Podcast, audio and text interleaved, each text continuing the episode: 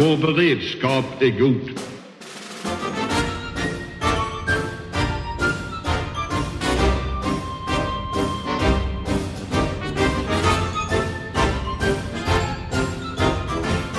Hej och välkomna till podcasten Höjd beredskap, en podd från Aftonbladet Ledare. Vi som mer eller mindre kommer att regelbundet kommer att medverka här är Annika Nordgren Kristensen, oberoende försvarsexpert och ledamot i eh, Krigsvetenskapsakademin och Försvarshögskolans styrelse. Amanda Wåhlstad, chefredaktör för liberalkonservativa Svensk Tidskrift och tidigare ledarskribent för Kvällsposten. Johan Viktorin, omvärldsanalytiker, ledamot i Krigsvetenskapsakademin och före detta redaktör för dess blogg Försvar och säkerhet. Samt jag, Anders Lindberg, som är politisk chefredaktör på Aftonbladet. Idag som är premiäravsnittet av podden så kommer vi att bjuda på en intervju med eh, försvarsberedningens ordförande Björn von Sydow. Eh, den kommer sen att kommenteras av Johan Victorin och av eh, Patrik Oksanen som är senior fellow på Fri Värld. Sen kommer vi avsluta med en krönika om mördarrobotar. Tanken med podcasten Höjd beredskap är att öppna upp debatten om totalförsvaret för fler än de redan intresserade. Men och även både kan man säga de som är intresserade av försvarsfrågor och de som kanske har tvekat lite inför fikonspråk, inför tekniska detaljer, obegripliga förkortningar. Och vår tanke är att Sveriges försvar och säkerhet är allas angelägenhet och därför vill vi bjuda in alla till ett samtal om det. I dagens avsnitt ska vi prata om försvarsberedningen som hamnat i hetluften igen. Vad är då en försvarsberedning? Det är en svensk tradition att alla riksdagspartier deltar när man ska ta fram underlag inför försvarsbeslut, alltså inriktning och ekonomisk ram för totalförsvaret under de kommande åren. Denna beredning lämnade sin slutrapport den 14 maj i år men nu har det framkommit att hela försvarsreformen som föreslagits i rapporten är underfinansierad med ungefär en fjärdedel. Oppositionen kräver att försvarsberedningen ska kallas in igen och regeringen och Försvarsmakten verkar dra lite olika slutsatser om vilken ambitionsnivå som egentligen gäller. Men vad är det egentligen försvarsberedningen kom fram till? Alltså den upprustning alla var överens om men ändå bråkar om. För att prata om detta och mycket annat har vi bjudit in Björn von Sydow, tidigare försvarsminister och ordförande i försvarsberedningen. Välkommen! Tack så mycket! Eh, under din ledning så har försvarsberedningen med de direktiven som är nu arbetat i två år, kommit med två rapporter, motståndskraft och värnkraft och eh, deltagit också i debatten. Eh, resultatet blir ju underlag då för det säkerhetspolitiken, för det civila, det militära försvaret för perioden 2021 till 2025. Om du skulle från det arbetet säga, vad är den viktigaste slutsatsen från försvarsberedningen? Det är att vi har kommit in i en säkerhetspolitisk osäkerhet och det beror på konkurrensen mellan stormakterna och att dessa i hög grad släpper de åtaganden man har gjort av internationella konventioner och åtaganden. Hela det system som egentligen byggdes upp efter andra världskriget som kan man säga förändrades men ändå förblev delvis detsamma 1989 till 90 då Sovjetunionens upplösning och så vidare. Och nu befinner vi oss i en situation med stora oförutsägbarheter och därför så behöver det militära och det civila försvaret förnyas och verka, signalera utåt. Försök inte med någonting som är mm, angrepp mot oss. Det kommer kosta er väldigt mycket. Ni konstaterade 2017 i er säkerhetspolitiska analys att väpnat angrepp mot Sverige inte kan uteslutas. Vad menade ni konkret med det? Det innebär till exempel att om Ryssland gör någon form av angrepp mot Estland, Lettland, Litauen så kommer det omedelbart bli en konflikt med USA och NATO. Därför NATO med USA, med Frankrike, med Tyskland och med andra länder har små men ändå mm, militär trupp i Estland, Lettland, Litauen. Det kommer bli en kamp om kontrollen av luftterritoriet framför allt. Eh, för att kan USA och de andra NATO-länderna föra fram förstärkningar till Estland, Lettland, Litauen, de bataljoner man har där. Och då är till exempel Gotland otroligt betydelsefullt. Det kan bli föremål för ett angrepp för att besätta Gotland och i stormaktens, i, i Rysslands intresse då. Det finns, ju, det finns ju ett motargument mot att Sverige ska rusta upp i det läget som är att då provocerar vi Ryssland istället så att, så att det är större sannolikhet att vi dras in än eh, om vi inte gör någonting. Vad tänker du om det? Ja, man måste ju naturligtvis alltid tänka på avvägningen mellan avskräckning och eh, ska vi säga, att hålla tillbaka rustningstendenser. Det som är ett problem här det är ju det att den ryska statsledningen har glidit ur praktiskt taget alla åtaganden med internationella åt, eh, ska vi säga, ja, konventioner och så vidare som gör att läget är väldigt oförutsägbart. Och det gör det att eh, vi bör ha en ökad förmåga till att hantera omedelbara förlopp men även med en viss uthållighet därför man kan inte veta vad som händer i en sån här situation. Alltså inom säkerhetspolitiken så pratar man ju ofta om hotbilder. Att det finns en hotbild av något slag. Det där är ett ord som tror jag de flesta har lite svårt för. Vad, vad, vad skulle du säga hotbilden är mot Sverige? Vad är det som skulle kunna hända?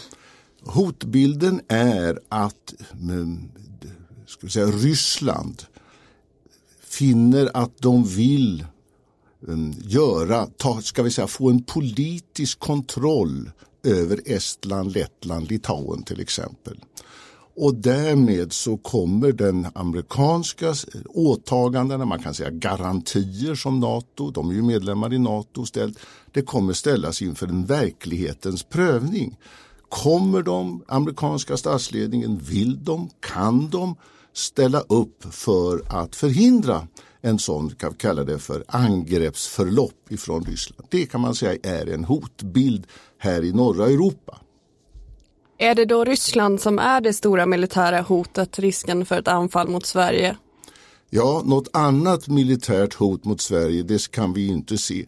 Man kan ju säga det att eh, hela den cyberutvecklingen gör ju det att det pågår ju dagligen cyberangrepp får man väl säga för att inhämta informationer av olika delar i vad som händer och finns i Sverige.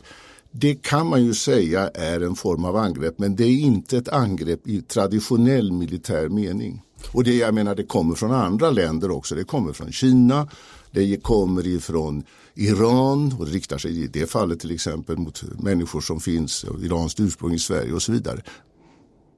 Must utmålar ju, både Must och Säpo utmålar ju just eh, Ryssland, eh, Kina och Iran som de tre stora nationerna som utför olika underrättelseinhämtningsoperationer gentemot Sverige.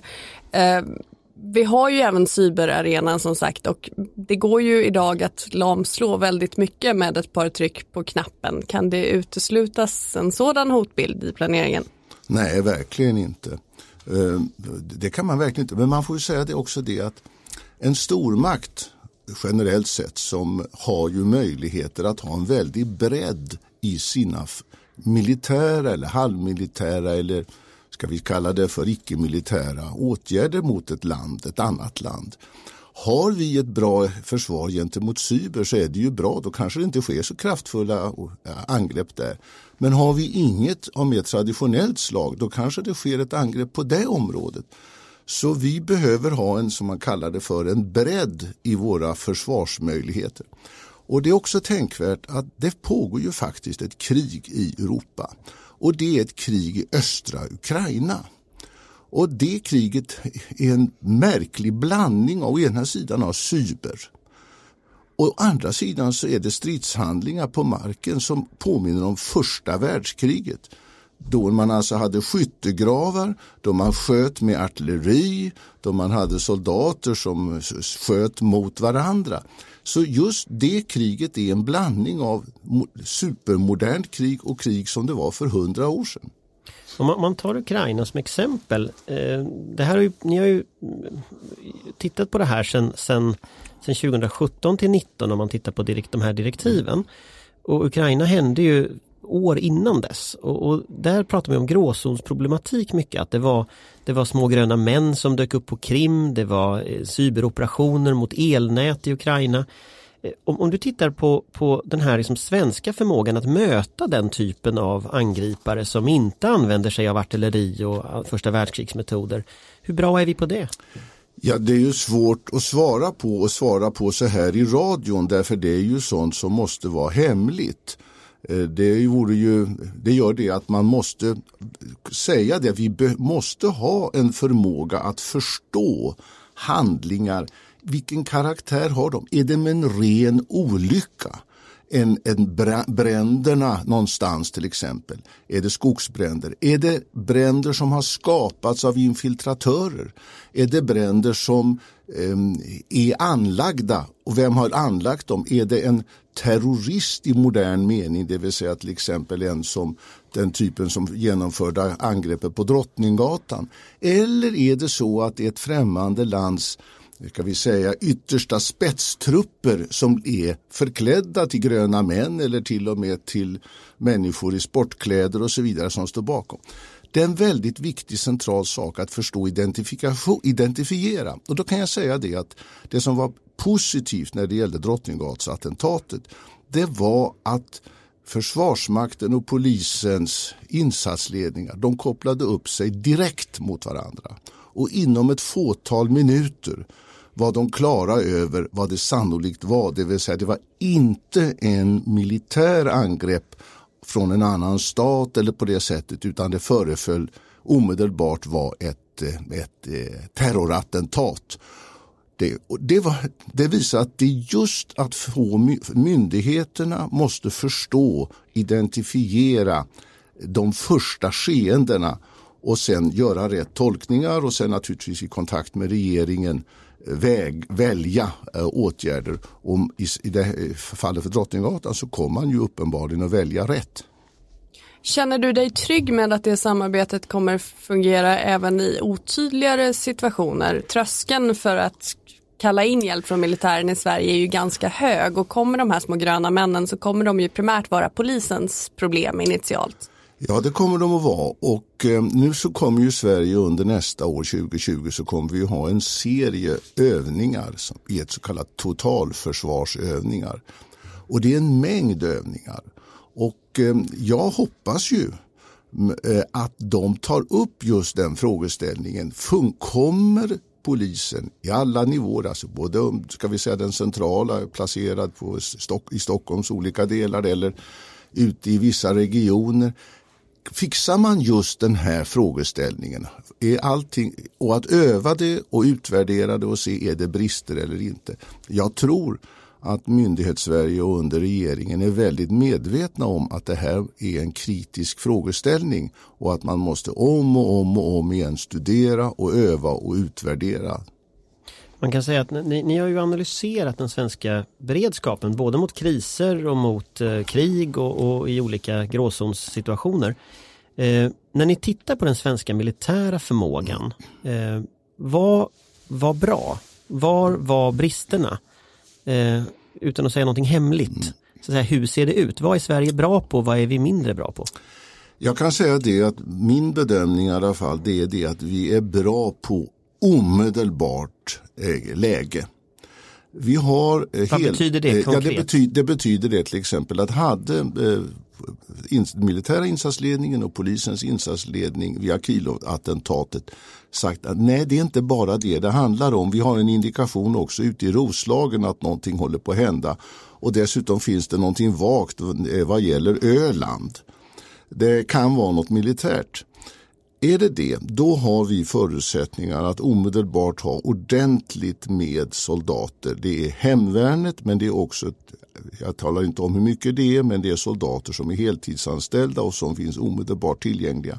Det fanns inte förr under kalla kriget egentligen. Då krävdes det en mobilisering på någon vecka eller två veckor någonting för att få fram soldater på det här sättet. Där har vi enligt min bedömning bra läge. Vi får väl se hur övningarna visar nu.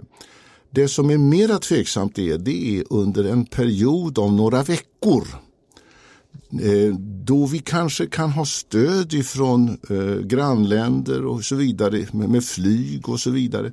Men det är mera osäkert. Marktrupp, behövs det efter ett par veckor? Och ehm, skydd för flyget på krigsbaser och så vidare efter några veckor. Så jag kan säga det att utan att gå vidare, det är där som jag menar att det är rätt som vi gör att vi föreslår att vi med full kraft genomför fler värnpliktsutbildningar så att vi får upp antalet personer, individer som besätter våra krigsförband och dessa ska kunna mobiliseras och vara i drift. Förstärka den omedelbara insatsen och mobiliseringen i övrigt behöver ske ungefär under en veckas tid. Det skriver vi och det tar vi ställning för.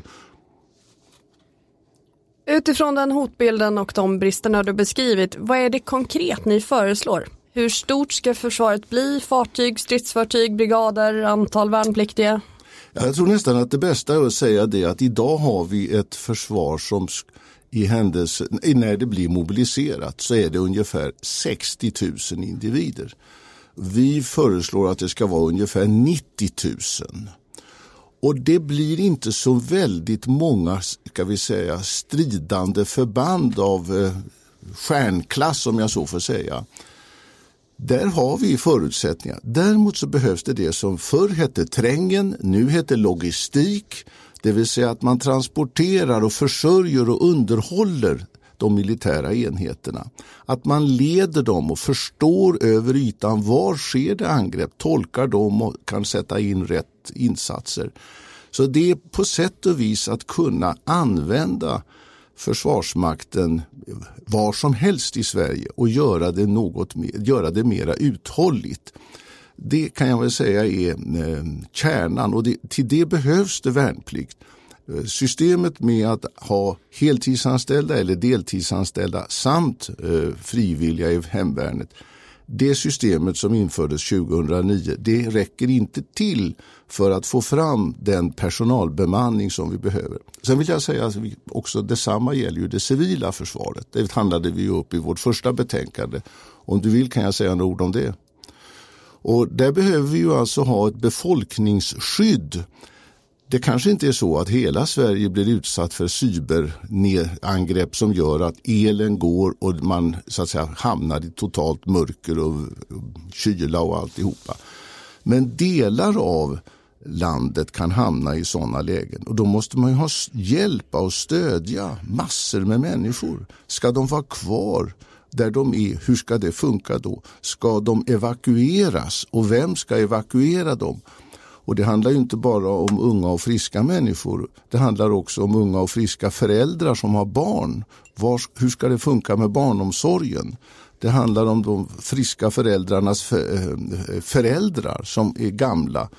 Hur ska, var, var och hur ska de ha det? Hur ska så att säga, samhällslivet fungera samtidigt som samhällsinstitutionerna måste stödja Försvarsmakten och även polisen såklart i en sån här situation. Så det behandlade vi i vårt första betänkande. Jag tror vi ska återkomma lite till det civila försvaret eh, senare. Men du säger att man ska gå från 60 000 till 90 000 i mankraft ungefär i Försvarsmakten. Var ska de 30 000 komma ifrån? Är det primärt värnpliktiga? Hur når man den numerären? Ja, det når man. Det är värnpliktiga och idag så är ju de pliktiga både pojkar och flickor eller män och kvinnor. Och de rör sig om ungefär 100 000 individer per årsklass. Och av dem så ska Försvarets rekryteringsmyndighet tillsammans med Försvarsmakten och i viss mån andra myndigheter ta ut ungefär 8000 individer per år och utbilda dem. Och till dels till soldater, dels tror vi och hoppas vi att ur dem kan vi rekrytera både eh, officerare, både så kallade specialistofficerare och eh, officerare i taktisk ja. Vi har en brist på officerare och det måste vi ha befäl för att kunna leda förbanden. Och därför så lägger vi väldigt tonvikt vid eh, värnplikten. Men observera, det handlar inte om att kalla in 42 000 män av 50 000 män och inga kvinnor. Utan det handlar om att kalla in 8 000 nu eh, under de kommande åren. Och det har vi möjligheter till men vi, det gränssättande är faktiskt behovet av officerare som också kan utbilda eh, de här soldaterna. Men, men när jag, jag gjorde lumpen i det där gamla systemet, då var väl armén och där 500 000 man eller någonting. Men, men då fanns det ju värnpliktiga officerare eller värnpliktiga befäl. Eh, kan man inte återinföra det så kan man få fler? Jo, och det finns sådana och de ska återaktiveras och vi gör försök att också få de som är pensionsavgångna att eh, gå in igen. Jag träffade igår Janne Björklund, förra liberalledaren i riksdagshuset. Han gör det. Han har gått in och jag tycker det är jättebra, både vad han gör och att han är ett signal om att så här kan man göra. Och bli, inte bara sitta i staber då utan faktiskt också till dels bli trupputbildare. Så vi behöver verkligen på det sättet eh, återuppbygga en bredd i eh, både soldater, gruppchefer och komma upp till plutonchefer ja, och till och med upp i... Och det finns också ett behov av att eh, få in kan vi säga, fler, eh, fler soldater, fler förband för att skydda eh, marinens men framförallt flygvapnets krigsbaser. Det går åt mycket människor till det.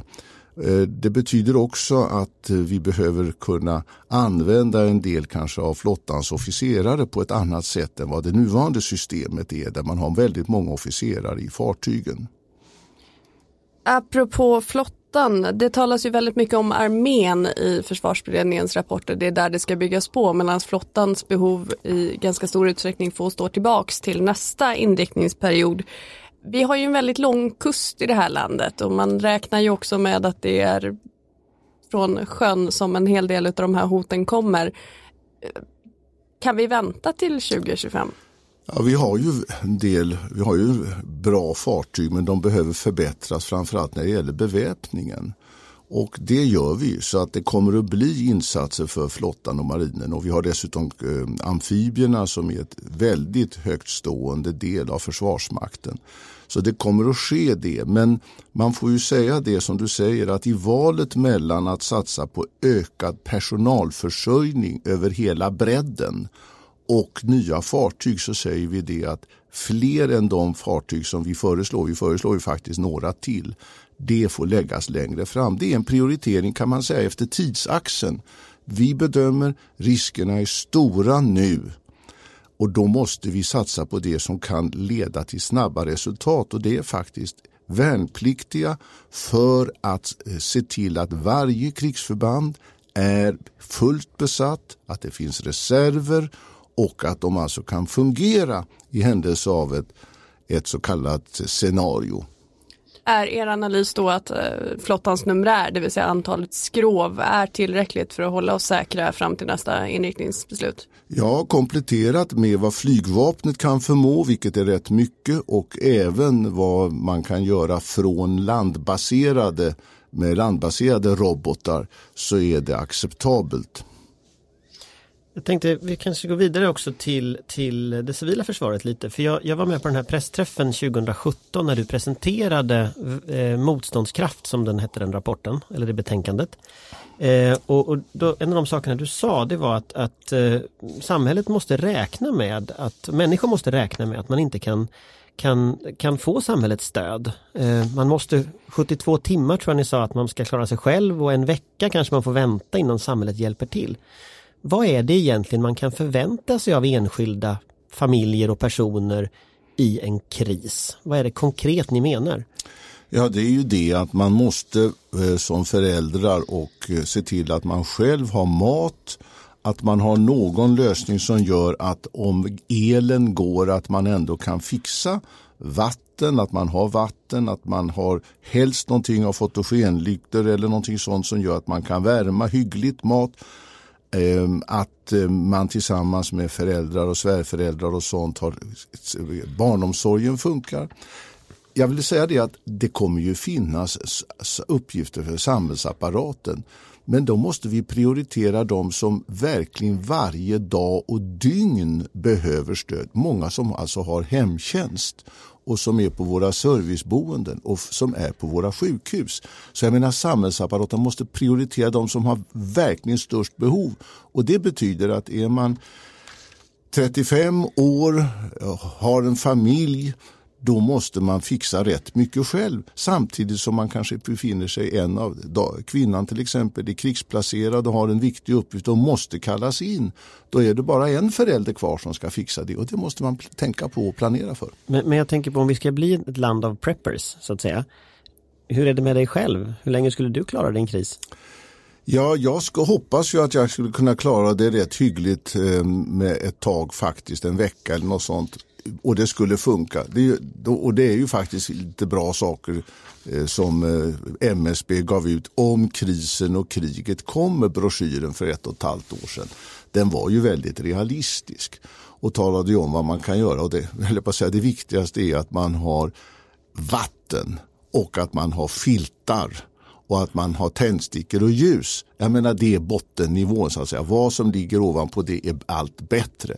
Men sen får man tänka på att mycket kan bli komplicerat. Ett elavbrott eller digitala angrepp det kan till exempel innebära att Swish går ner, eh, betalkorten går ner, eh, de som har kvar sedlar, de, ja sedlarna är bra men det är svårt att få ut dem ur maskinerna. Så att man får tänka också det att betalningsfrågorna kan bli kritiska omedelbart. Och där skrev vi, tycker jag framsynt nog, och Riksbanken har jobbat med det där. Och vi måste få fram någon lösning i samband med riksdagsställningstagandet. Hur ska betalnings... Ja, kring kontanter, men också hur ska du få ut kontanterna ur automa- bankomaterna om elen är nere eller de är cyberangripna de med. Så att there are some, det är lite ytterligare problem där men det här skulle jag vilja säga det tillhör vardagsproblem som man bör kunna försöka fixa. Och hjälpa varandra naturligtvis. Eh, hjälpa de som behöver i ett flerfamiljshus. Eh, de som behöver och med samtidigt så som sagt eh, vi kan inte förutse exakt vad som kan hända. Från den lilla världen till den lite större. En viktig del i säkerhetspolitiken är att Sverige ska kunna ge och ta emot hjälp av andra och det tecknas ett antal eh, bilaterala och trilaterala avtal med diverse aktörer. Är det inte enklare att bara gå med i NATO? Ja, läget är ju det att eh, NATO är ju i ett svårbedömt läge nu. Det vill jag ju först säga det. Men principfrågan om NATO-medlemskap är ju väldigt omtvistad i svensk, bland oss i Sverige. De senaste opinionsundersökningarna jag har sett de är ungefär att eh, 29 procent är för medlemskap, 33 procent är emot och resten är i stort sett vet ej eller kan inte svara. Så att det är, det är en, ska vi säga, en, ett opinionsläge som gör det rätt ohanterligt. Och eh, min egen uppfattning, eller vår uppfattning kan jag säga i beredningen, det är ju det att den här typen av bilaterala eh, så att säga, relationer de är ganska bra. Och, men de bygger ju naturligtvis på att man, ut, att man förstår att de är inte, finns ingen automatik i dem. Det djupaste samarbetet vi har på den, av den karaktären det är ju med Finland. Och då har vi också ett trilateralt avtal mellan USA och Finland och Sverige som innebär stöd för forskning, utveckling, övning, transporter och så vidare. och så vidare. Det är väl det avtal som är kanske mest betydelsefullt för närvarande men även andra nordiska avtal. Avtal med Storbritannien och dess snabbinsatsstyrka med Frankrike om dess strategiska initiativ som det heter. Ehm, det är, ska vi säga, vår, vår, vår problemlösning. Men funkar det där mm. även om det blir krig och alla blir rädda och ska värna sina egna resurser? Det, det, kan man ju, det vet vi inte, men vi vet ju faktiskt inte heller hur sånt som EU som vi är medlem i och som har åtaganden av solidaritet i händelse av både kriser och krig med varandra, hur det ska funka. Och vi vet heller inte hur NATO kommer att funka. Och det gäller ju oss, men det gäller ju de som är NATO-medlemmar också det är svårt att förutse för närvarande. Jag, jag besökte, eh, vad heter det, var och gjorde reportage från, från Berga i våras, mus, den här vet du, eh, amfibieregementet där. Och då berättade regementschefen för mig att, att relationen mellan Berga och Nylands brigad i Finland, den var sån att officerarna ner på liksom plutonnivå mer eller mindre kände varandra med förnamn.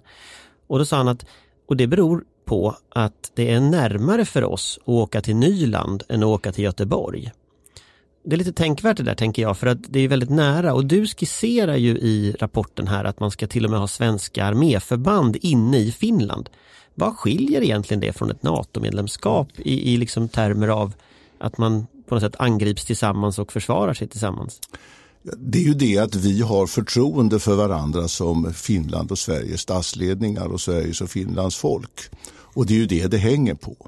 Och eh, därför så blir jag glad att höra vad du säger att, det, att man i försvarsmakterna har den fördjupningen och att man har det även i andra i allmänna politiska hänseenden.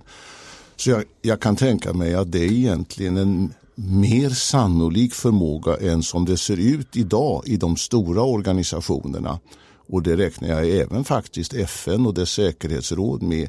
Hur kom, är det i stånd att utfärda ska vi säga, förklaringar om att, eh, oh, att eh, kring ett krigsförlopp är FNs säkerhetsråd förmöget att säga någonting överhuvudtaget om detta. Men, men är vi egentligen militärt alliansfria om vi har en militär allians de facto med Finland?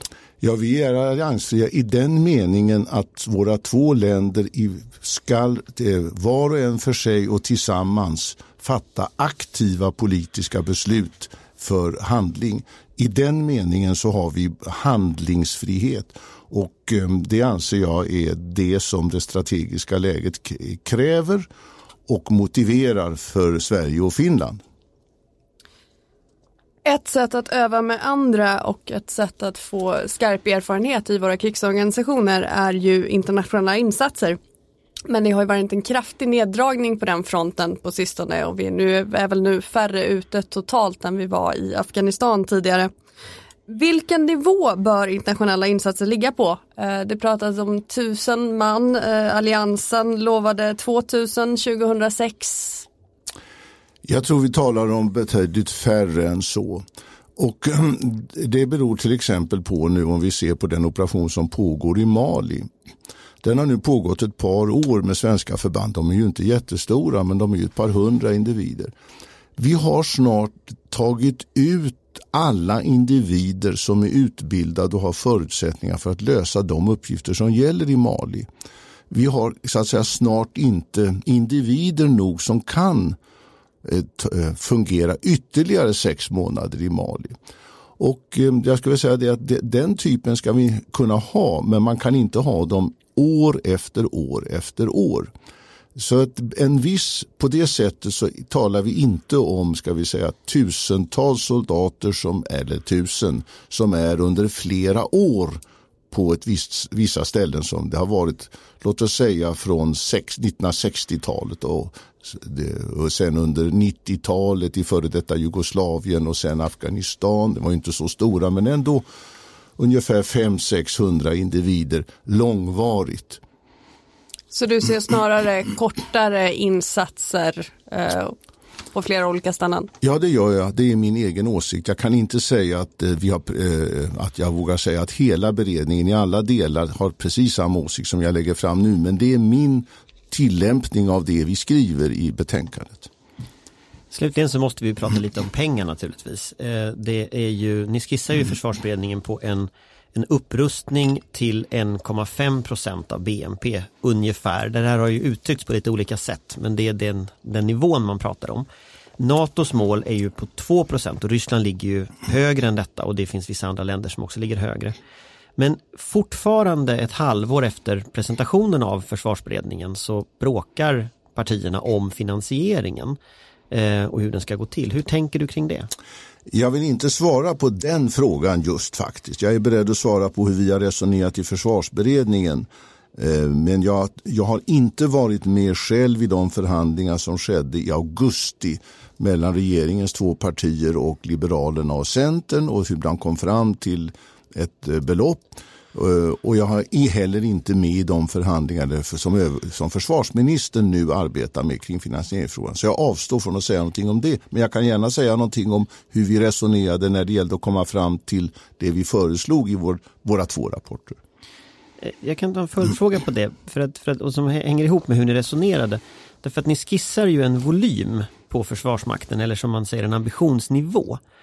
Eh, hur kom ni fram till just den finansieringsnivån och går den att genomföra om man liksom ändrar de ingående pengaströmmarna till detta?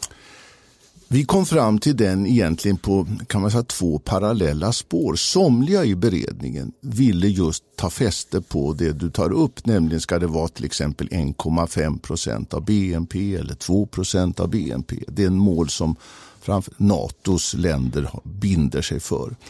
Andra resonerade mer utifrån vilka är behoven?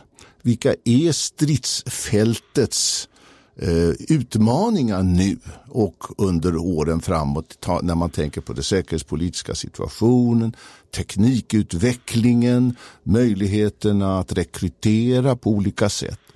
Och ur det så kom vi, kom vi fram till, somliga ville komma fram till med, så att säga, det ska vara 1,5 eller 2 procent finns det inte möjlighet till. Andra kom fram till att ja, vi kan öka Försvarsmakten och Försvarets materielverk och rekryteringsmyndigheten och på sätt och vis andra myndigheter. De skulle kunna förbruka på ett meningsfullt sätt resurstillskott som sammanlagt förde upp årsanslagen till Försvarsmakten från ungefär kan vi säga, knappt eh, ja, någonstans kring 58 miljarder till någonstans 85 miljarder och dess ungefär plus 4 miljarder för det civila försvaret. Det skulle det svenska systemet kunna använda på ett korrekt meningsfullt sätt och göra då inriktningen som vi har varit inne på här i diskussionen förstärkning av krigsförband, för, för, förstärka med personal till krigsförbanden så att de som finns redan blir verklighet och sen fick eh, göra vissa materi krigsmaterielförstärkningar och så vidare. Och så vidare. Skapa tillgänglighet i förbanden lite längre, inte bara i ett omedelbart inledande skede etc. etc. Så att jag kan säga att det fanns faktiskt på det sättet det var möjligt att nå en sorts uppgörelse att somliga argumenterade med BNP-relationen, andra rela eh, argumenterade utifrån en Millions of people have lost weight with personalized plans from Noom. Like Evan, who can't stand salads and still lost 50 pounds. Salads generally for most people are the easy button, right? For me, that wasn't an option. I never really was a salad guy. That's just not who I am. But Noom worked for me. Get your personalized plan today at Noom.com. Real Noom user compensated to provide their story. In four weeks, the typical Noom user can expect to lose one to two pounds per week. Individual results may vary. Eh, vad, vad behövs? Vad kan, genom, vad kan göras inom spannet för fem sex år? Jag tänker på, på eh, Försvarsmakten och Försvarsberedningen är ju inte riktigt överens om hur mycket, mycket, alltså vad man har räknat in i de här beräkningarna. Försvarsberedningen har ju räknat in den här MKD-budget, eller Försvarsmakten har ju räknat in den här MKD-budgeten i höstas som var. Medan däremot de pengarna skulle ju behövas för att, att genomföra den ambitionsnivå ni har. Eh, alltså hur kunde det bli så att man inte är överens om, om ingångsvärdena? Jag kan inte svara på det därför att jag deltar inte i de förhandlingarna som pågår nu om att just fixera detta. Men jag vet att försvarsberedningens sekretariat arbetar med delar av Försvarsmaktens eh, budgetberäkningar och med stöd av ESV, Ekonomistyrningsverket, försöker fastställa vad gick snett och hur bör man kunna om möjligt samsas om att beräkna så att försvarsministerns förhandlingar med de andra partierna kan ske på underlag av samma kan vi säga, tabeller. Men är det en kommunikationsfråga att man inte har kommunicerat eller är det en politisk ambitionsskillnad som finns? Jag kan inte svara på det faktiskt. Jag har inte den insynen i det arbetet som pågår så det får ni fråga andra om. Det kommer vi att göra. Ja. Har ni i beredningen diskuterat någonting om uppräkningen för de här åren? För det är ju ett evigt problem i försvarsfinansieringssammanhang. Eh, löner går ju upp eh, år för år, valutan ser ju inte så bra ut just nu. Den går ner. Den går ner. Eh, material blir dyrare i, ju mer tekniskt utvecklat det blir. varför har man inte en, en uppräkning för budgeten så som man har för många andra verksamheter? Vi hade, har det i våra förslag. Och där ville vi att man skulle fixera det som skulle vara ingångsvärdet i det som var Försvarsmaktens anslag 2019. Det var på den nivån man skulle räkna upp för inflation, lönekostnader och eh, annat som ska säga så att värdet i våra förslag hela tiden var reellt detsamma. Så vi hade det i, det, i våra förslag. Och nu pågår det en diskussion om hur, hur, vad var det man kom överens om i augusti i år. Innehöll detta någonting av detta eller inte? Och eh, det är en del och en annan del som man resonerar om. Har Försvarsmakten beställt saker som ligger i försvarsberedningens betänkande eller har man också beställt saker redan som inte ligger i försvarsberedningens betänkande? Och det vet jag att de arbetar nu energiskt för att försöka reda ut det där så att man förstår pris och lönekompensationsfrågan. Är den löst? Hur kan den lösas? Beredningen ville ha den, eh, pris och löneomräkningar och frågan om vad är intecknat genom beslut av Försvarsmakten under nu som ligger i eller vid sidan av försvarsberedningens betänkande. Men du menar att det fanns en diskussion och kanske till och med en, en samsyn om att det skulle ske en uppräkning? Ja, det ja. var det. Eh, en annan eh, detalj värd att notera i försvarsberedningens underlag inför försvarsbeslutet nu är att de mycket finkänsligt men också ganska tydligt uttrycker en önskan om eh, tydligare men mindre detaljerade direktiv från politiken. Man pratar ju inte helt sällan om att försvars frågan är det politikområde där många helst är inne och pillar på detaljer i exakt numerär och vapensystem och placering och så vidare. Finns det en för Lägger sig politiken i för mycket vad Försvarsmakten gör av sina direktiv? Ja, kanske både ja och nej. Och då skulle jag först vilja säga det att Försvarsmakten är ju den enda samhällsverksamhet som aldrig egentligen fungerar i verkliga lägen. Om man bortser från när man är ute på internationella uppgifter, då är man ju i verkligheten. Så att det är inte som polisen som oavbrutet varenda dygn arbetar med sina resurser och hela tiden tvingas att konstatera lyckas våra operationer eller misslyckas de och i så fall varför. Eh, vi i Försvarsmakten så har man ju så att säga ständigt ut, under utbildning, övning, utvärdering men inte riktiga lägen. Och det inbjuder då till att försöka fixera vad är det viktigaste.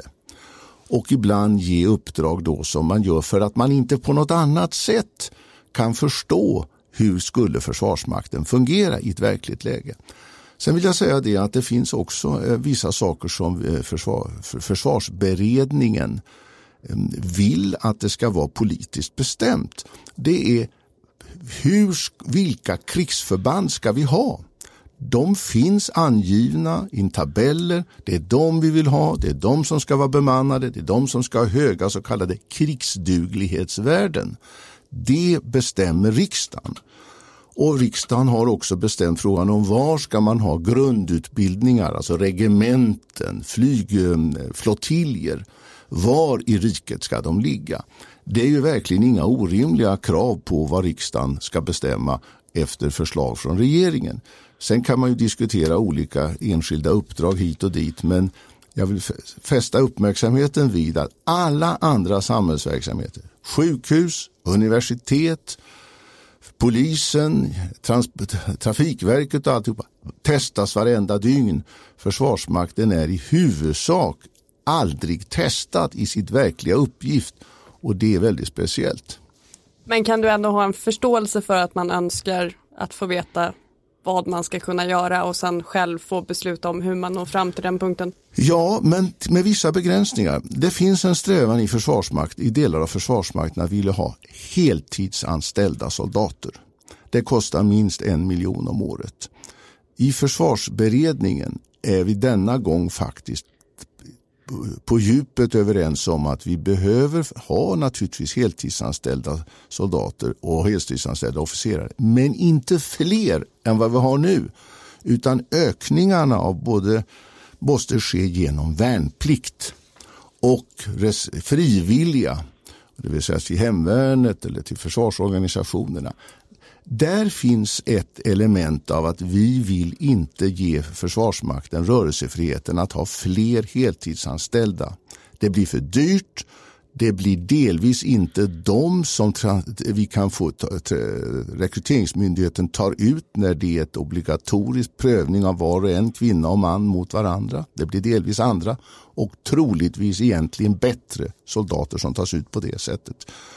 Och det finns i viss mån en avvägning efter tidslinjalen när ska olika nya materielsystem forskas fram, utvecklas, sättas in i krigsförbanden? När?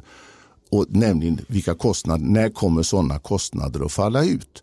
Så jag vill säga det att det finns avvägningar som vi som över partigränserna fann att detta bör riksdagen göra efter förslag och förhandlingar mellan politiska partierna Eh, av, av den här slagen. Avvägningar efter tidsaxeln och, och, vilken, och avvägningar mellan heltidsanställda respektive värnpliktiga.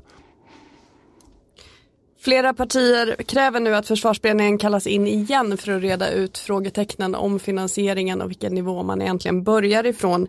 Eh, är du beredd att plocka upp ordförandeklubban igen om du skulle behövas? Nej, det är jag faktiskt inte. Eh, jag är inte beredd på det, men jag, låt mig få dra en episod som jag har varit med om. För 20 år sedan så var jag försvarsminister.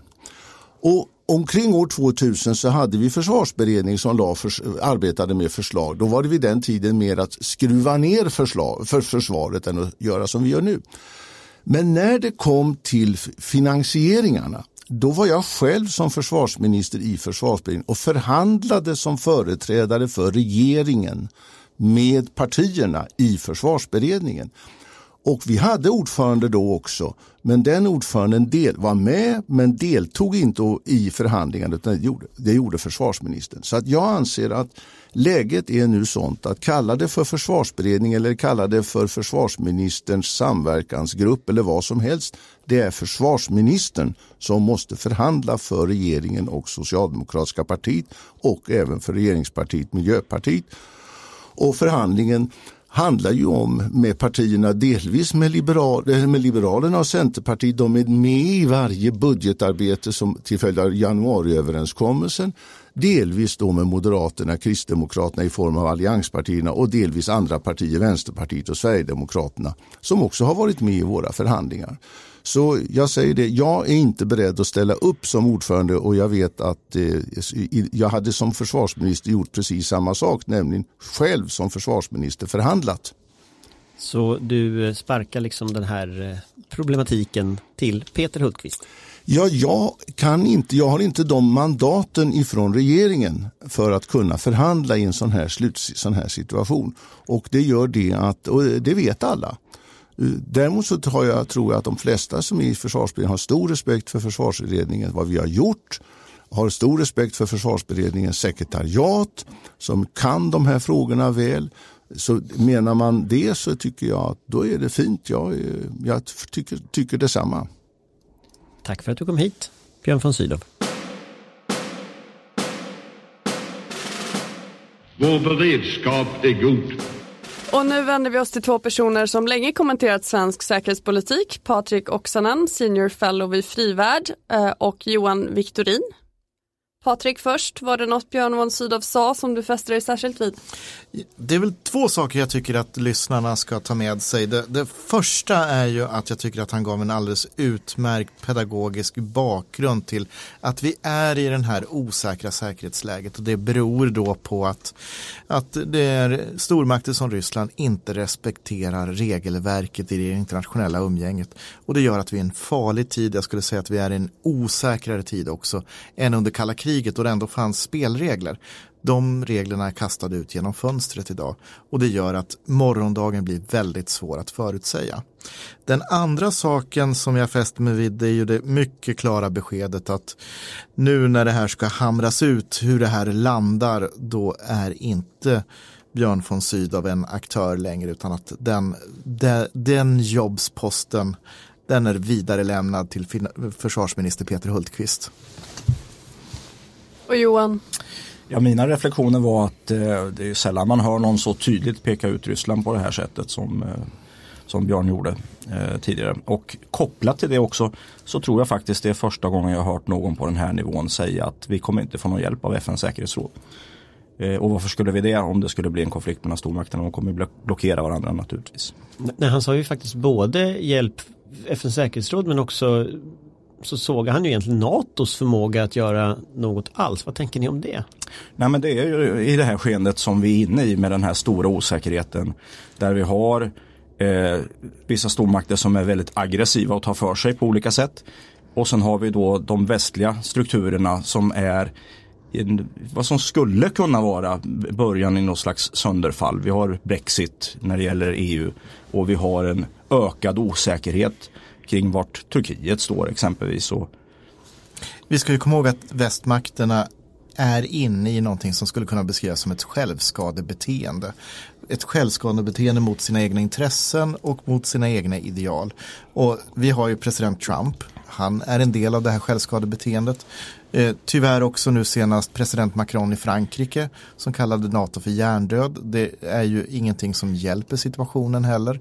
Eh, och vad britterna håller på med det kan vi väl säga att man håller på att skjuta sig i båda fötterna med en hagelbössa ungefär. Vad innebär det att någon på så pass hög nivå och med sån lång och gedigen bakgrund inom, inom socialdemokratin nu talar så öppet om att Ryssland är ett hot mot Sverige. Kommer det i sig innebära ett skifte i den säkerhetspolitiska debatten tror ni? Jag tror inte det för att det här är ju egentligen samma saker som Peter Hultqvist har sagt i många, många år. Så att jag tror att det, det vi hör här det är ju egentligen den, den sammanvägda bedömningen som försvarsministern och då den tidigare ordförande för försvarsberedningen gör om det säkerhetspolitiska läget. Men det får ju ännu inte det avtryck hos finansdepartementet det borde få. Nej, men däremot så kanske hos vanliga väljare så att säga att en före detta talman också i riksdagen uttrycker sig på det här sättet. Det stämmer ju till eftertanke, tänker jag. Jag, tänk, jag, tänker, jag tänker också att här, här, skisserar han ju en hotbild som ju är väldigt dramatisk. Eh, där, där eh, om Baltikum blir angripet så blir vi indragna, vi blir i princip indragna i vilka alla scenarier egentligen med olika säkerhetspolitiska äventyr i vår omgivning här så blir vi indragna. Eh, har, har, har försvarsberedningen liksom anpassat den militära förmåga som man sen föreslår efter den hotbilden? Eller är det finansdepartementet som har styrt egentligen i alla fall? Jag skulle säga så här att eh, finansdepartementets spöke vilar ju över svensk försvarspolitik och finansdepartementet är ju en bromsande part och det såg vi också i den här uppgörelsen i augusti om pengarna där inte uppräkningen var med. Jag tror att uppräkningen kommer att komma eh, längs vägen men vi ser det som en bromskloss.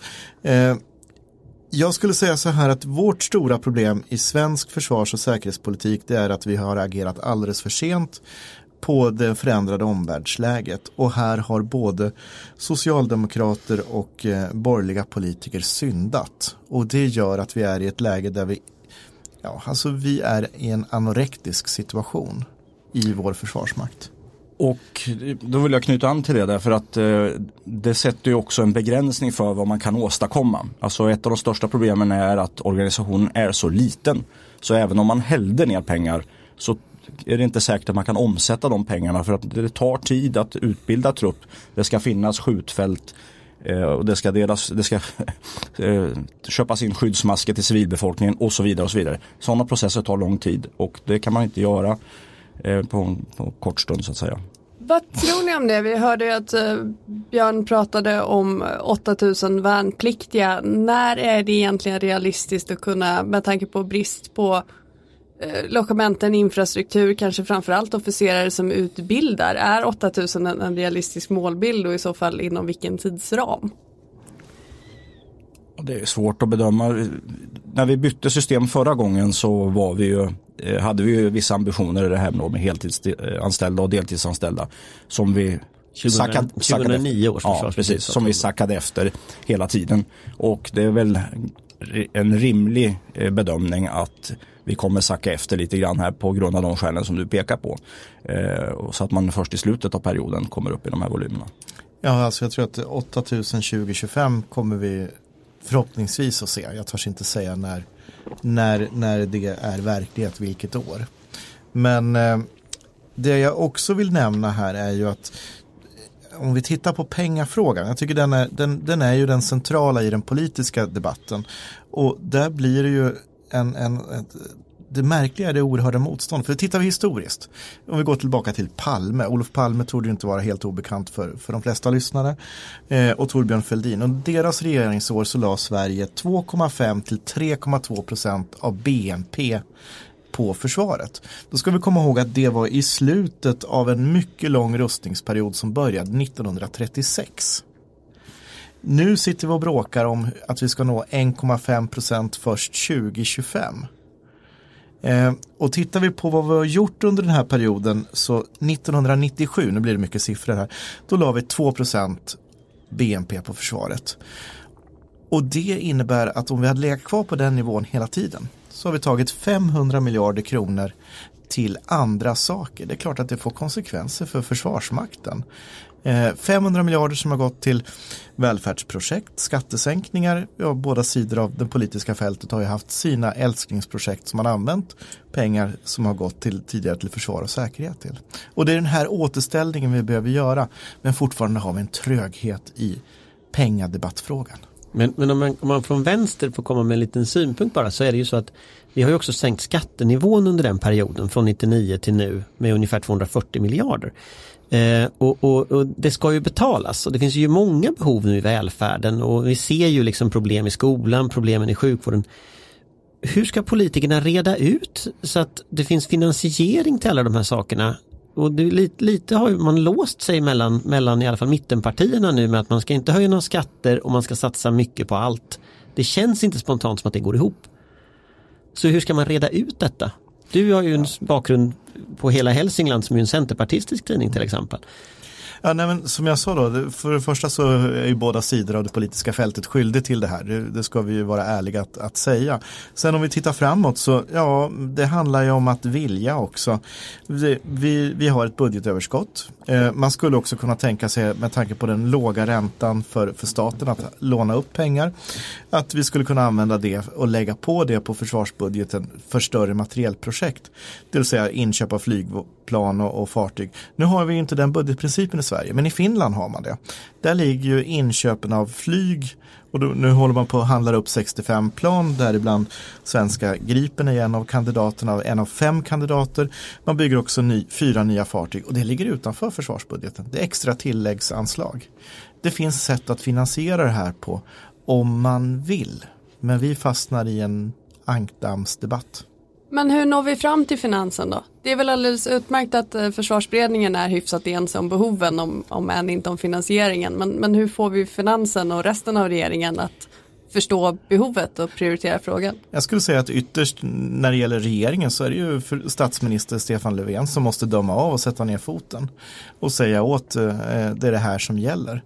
Eh, finansen kommer alltid att försvara sina intressen i de här frågorna och vi, vi har levt väldigt länge i att finansen alltid har vunnit de här diskussionerna och det behöver brytas.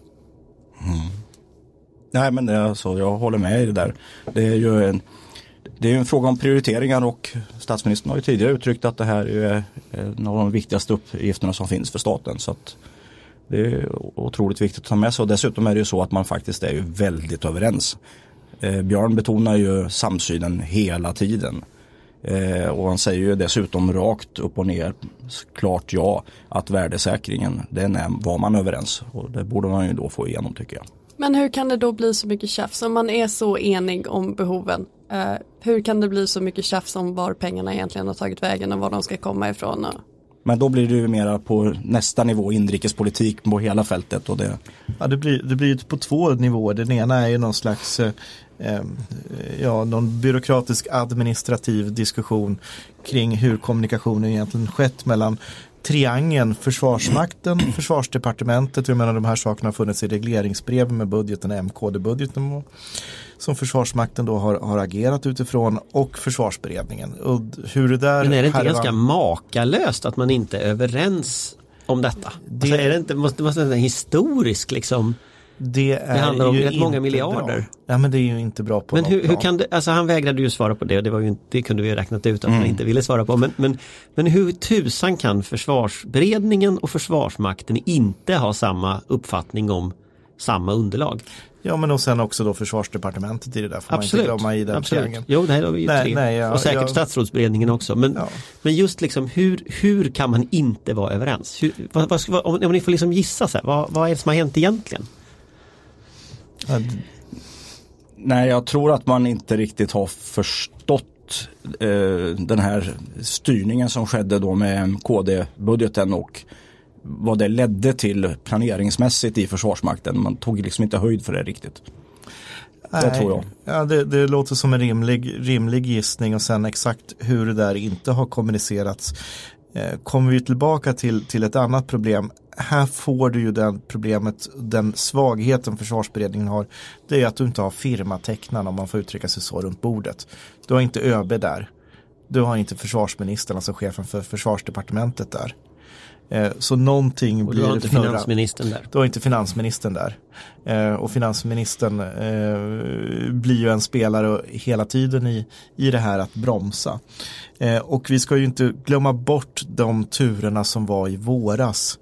Där finansen bromsade, vilket gjorde att oppositionen eh, hoppade av försvarsberedningen. Eh, och det blev en himla märklig kommunikation både till svenska folket och till utlandet vad vi egentligen höll på med. För eh, försvarsberedningen skriver ju faktiskt uttryckligen i sin eh, rapport att man, den fortsatta planeringen utgår ifrån att eh, ett, ett färdigfinansierat och färdiginfört eh, tidigare försvarsbeslut, försvarsbeslut som togs 15. Och det har ju varit underfinansierat precis som alla tidigare försvarsbeslut hela tiden. Så då undrar man ju spontant var trodde de att den här uppfyllnaden liksom skulle komma emellan ett budgetår till ett annat om de inte fick ta mer pengar? Alltså hur, hur resonerar man kring sån sak? Ja, alltså om jag har förstått det här rätt så, så, vi, så en, en förklaring till det här med pengarna är att Försvarsmakten då med hjälp av MKD-budgeten gör så att säga klart försvarsbeslutet 15. Medan försvarsberedningen var inne på att äh, vi struntar i att göra klart försvarsbeslutet 15 och gena direkt in i en ny krigsorganisation och göra det här på ett nytt sätt. Och där får du in den andra problematiken i svensk försvarspolitik och det gör då att det blir väldigt ryckigt. Eh, vi, och det här är ju ingenting som kan sladda omkring på en vintrig smal väg och, och elegant glida i kurvorna. Det här är ju som en atlantångare. Eh, och den, eh, den eh, hastigheten måste vi ju begripa i hur vi styr det här. Sen är det ju fantastiskt att det ändå kommit överens alla partierna om en sån uppryckning. Ett trendbrott. 1,5 procent av BNP, 85 miljarder, det är hiskeligt mycket pengar. Eh, och eh, jag vet inte, du sa en, en, en 25 procent där eh, i någon felräkning. Jag fick det till 7 procent när jag räknade. För det är väl det totala beloppet som är eh, 55 till 60 miljarder. Och det är ungefär 785 miljarder utlagt så att säga. Ja det var väl av tillskotten. Mm. Precis och inte grundfinansiering. Nej. Nej men vi har ju alla varit involverade i försvarsdebatten väldigt länge, hiskeligt länge i vissa fall. Ehm, och det har ju verkligen hänt någonting, det kan vi ju konstatera. Vi hade ju inte kunnat sitta så här för 5-10 år sedan. Ehm, Nej, det, det- har ju hänt och, det, och jag vill också understryka det Johan säger. Det är oerhört positivt att det finns den breda politiska enigheten om de stora breda dragen. Och måtte detta kommunikativt nu hålla hela vägen fram så att vi inte får ett sönderfall på mållinjen i det här så att det blir osäkerhet och ryckighet. Får jag lägga till någonting som jag var lite överraskad också. Det var ju när han tog upp det här med Drottninggatan och vår insatsförmåga, de här snabba sakerna. Att Försvarsmakten, och polisen inom minuter hade den här kommunikationen. Och det, det i sig tyckte jag var intressant och sen var det intressant också med att han lyfte fram den här omedelbara insatsförmågan som viktig. Men det, jag tycker att han missade lite grann att lyfta fram alltså den kvalitet som finns på att vi har de bästa luftmålsrobotarna, alltså man kan skjuta flygplan med på, på Gripen-systemet. Vi har våra kvalificerade ubåtar. Så det finns ju må- många andra komponenter i försvaret som är väldigt kvalificerade och det är ju det som är det här med tröskeleffekt och det är, det är där man ser den här stora slitningen för han antyder ju lite grann att det fanns delar i Försvarsmakten som ville ha en personalförsörjning medan beredningen och andra delar vill ha en annan typ och, och det står ju mellan ska vi ha en hög initial förmåga eller ska vi ha uthållighet eller hur ska den avvägningen se ut? Och pengarna räcker inte riktigt till allt. Eh, vi kan liksom inte stampa upp den upprustningen än. Men det är kanske någonting vi kan komma fram till också i ett senare program i eh, höjd beredskap. Ja. Eh, tack så mycket för de kommentarerna. Så Tack ska vi gå mycket. vidare till avslutningen och våran krönika. Krönika 29 november. Mördarrobotar. Själva ordet är lite magiskt. Jag ser framför mig Robocop eller Arnold Schwarzeneggers Terminator eller något från Transformers. Mördarrobotar är ett annat ord för autonoma, alltså självständiga vapensystem. Vapen som själva ser, analyserar och fattar beslut om att bekämpa en motståndare. I en tid när datorer håller på att bli inte bara snabbare utan även mer kreativa än människor så sker utvecklingen av olika slags autonoma vapensystem blixtsnabbt. Vissa ser framför sig att framtidens krig utkämpas utan människor. Där robotarméer står mot varandra på marken, under havet, i luften, rymden och på internet. Och där man inte riskerar några soldaters liv. Andra varnar för att ingen blir ansvarig i ett sådant krig. Vem ska vi skicka till krigsförbrytartribunalen i Haag om en dator har fattat alla beslut? Ytterligare andra ser risken att människan tappar kontrollen.